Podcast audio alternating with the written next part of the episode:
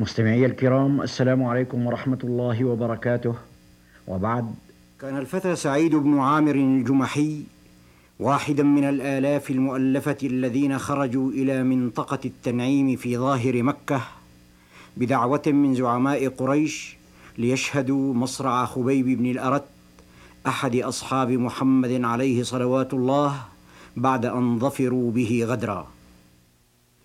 وقد مكنه شبابه الموفور وفتوته المتدفقة من أن يزاحم الناس بالمناكب حتى حاذى شيوخ قريش من أمثال أبي سفيان بن حرب وصفوان بن أمية وغيرهما ممن يتصدرون الموكب. وقد أتاح له ذلك أن يرى أسير قريش مكبلا بقيوده وأكف النساء والصبيان والشبان تدفعه إلى ساحة الموت دفعا لينتقموا من محمد في شخصه وليثأروا لقتلاهم في بدر بقتله.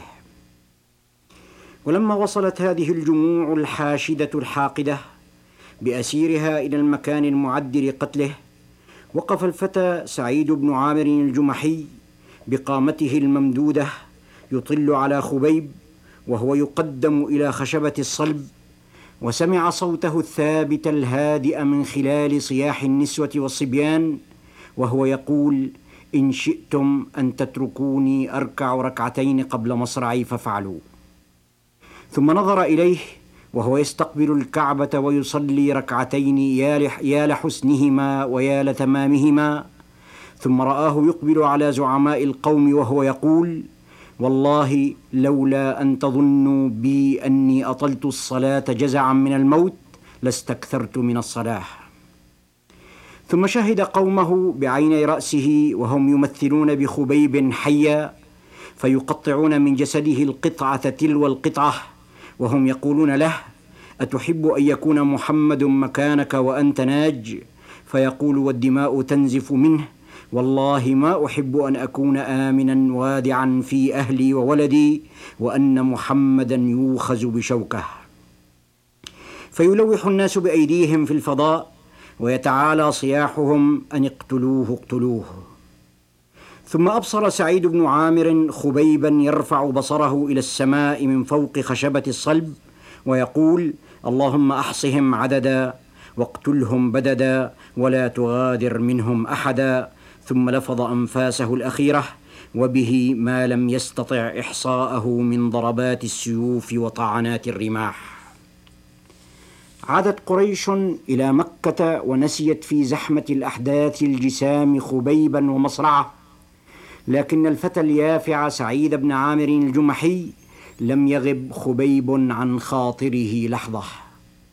كان يراه في حلمه إذا نام ويراه بخياله وهو مستيقظ. ويمثل أمامه وهو يصلي ركعتيه الهادئتين المطمئنتين أمام خشبة الصلب ويسمع رنين صوته في أذنيه وهو يدعو على قريش فيخشى أن تصعقه صاعقة أو تخر عليه صخرة من السماء. ثم إن خبيبا علم سعيدا ما لم يكن يعلم من قبل علمه أن الحياة الحقة عقيدة وجهاد في سبيل العقيدة حتى الموت وعلمه أيضا أن الإيمان الراسخ يفعل الأعاجيب ويصنع المعجزات.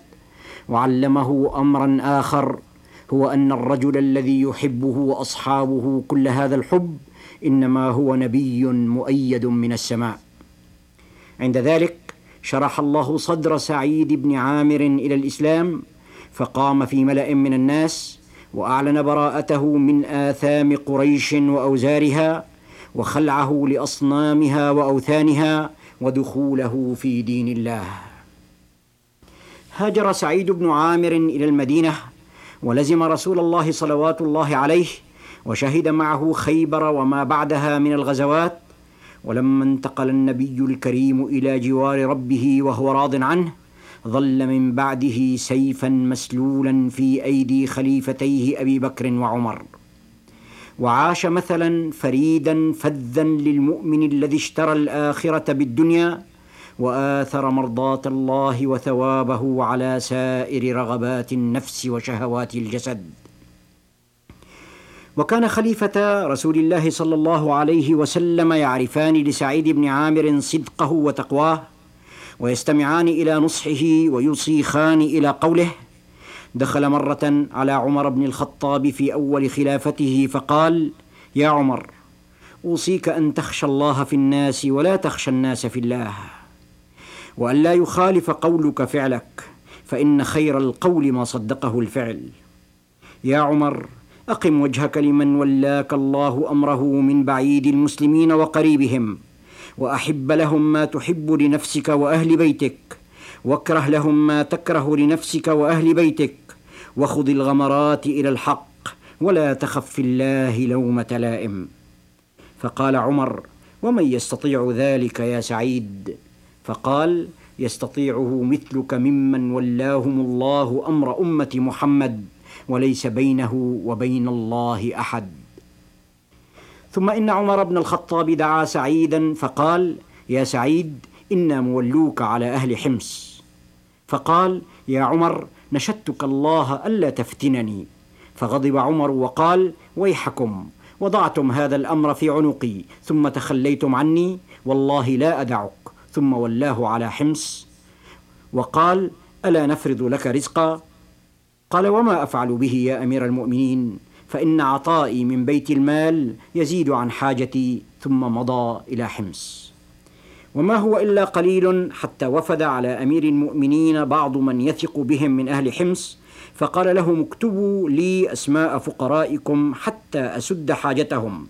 فرفعوا إليه كتابا فإذا فيه فلان وفلان وفلان وسعيد بن عامر. فقال ومن سعيد بن عامر؟ فقالوا أميرنا. قال أميركم فقير؟ قالوا نعم.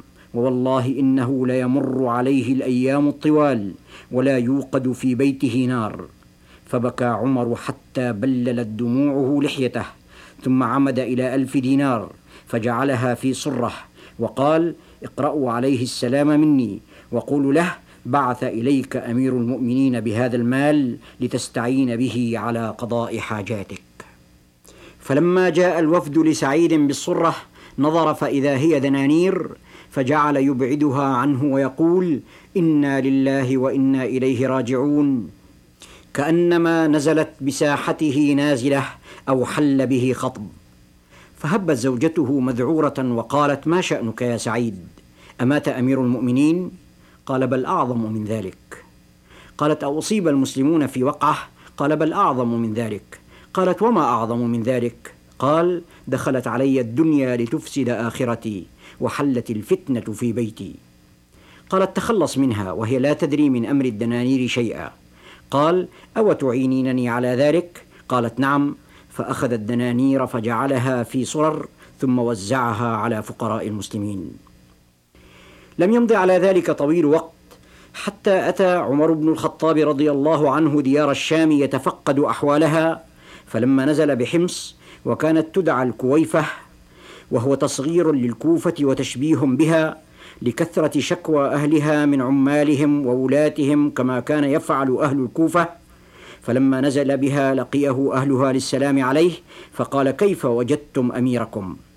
فشكوه إليه وذكروا له أربعا من أفعاله كل واحد منها أعظم من الآخر. قال عمر فجمعت بينه وبينهم. ودعوت الله ألا يخيب ظني فيه فقد كنت عظيم الثقة به. فلما أصبحوا عندي هم وأميرهم قلت ما تشكون من أميركم؟ قالوا لا يخرج إلينا حتى يتعالى النهار. فقلت وما تقول في ذلك يا سعيد؟ فسكت قليلا وقال والله إني كنت أكره أن أقول ذلك. أما وإنه لا بد منه فإنه ليس لأهلي خادم يا أمير المؤمنين. فأنا أقوم في كل صباح فأعجن لهم عجينهم ثم أتريث قليلا حتى يختمر ثم أخبزه لهم ثم أتوضأ وأخرج للناس. فقال عمر وما تشكون منه أيضا؟ قالوا إنه لا يجيب أحدا بليل. قلت وما تقول في ذلك يا سعيد؟ قال إني والله كنت أكره أن أعلن هذا أيضا فأنا قد جعلت النهار لهم والليل لله عز وجل. قلت وما تشكون منه أيضا؟ قالوا إنه لا يخرج إلينا يوما في الشهر. قلت وما هذا يا سعيد؟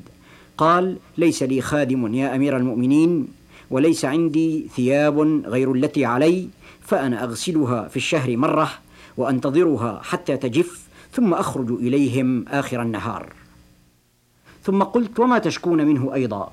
قالوا تصيبه من حين إلى آخر غشية فيغيب عمن في حضرته. فقلت وما هذا يا سعيد؟ فقال شهدت مصرع خبيب بن الأرت وأنا مشرك ورأيت قريشا تقطع جسده وهي تقول أتحب أن يكون محمد مكانك؟ فقال والله ما أحب أن أكون آمنا في أهلي وولدي وأن محمدا تشوكه شوكه. وإني والله ما ذكرت ذلك اليوم, وكيف أني تركت نصرته إلا ظننت أن الله لا يغفر لي وأصابتني تلك الغشية. عند ذلك قال عمر الحمد لله الذي لم يخيب ظني به ثم بعث له بألف دينار ليستعين بها على حاجته. فلما رأتها زوجته قالت الحمد لله الذي أغنانا عن خدمتك اشتري لنا مؤونة واستأجر لنا خادما فقال لها وهل لك فيما هو خير من ذلك؟ قالت وما ذاك؟ قال ندفعها إلى من يأتينا بها ونحن أحوج ما نكون إليها. قالت وما ذاك؟ قال نقرضها الله قرضا حسنا. قالت نعم وجزيت خيرا. فما غادر مجلسه الذي هو فيه حتى جعل الدنانير في صرر وقال لواحد من أهله انطلق بها إلى أرملة فلان وإلى أيتام فلان وإلى مساكين آل فلان وإلى مبتلى آل فلان.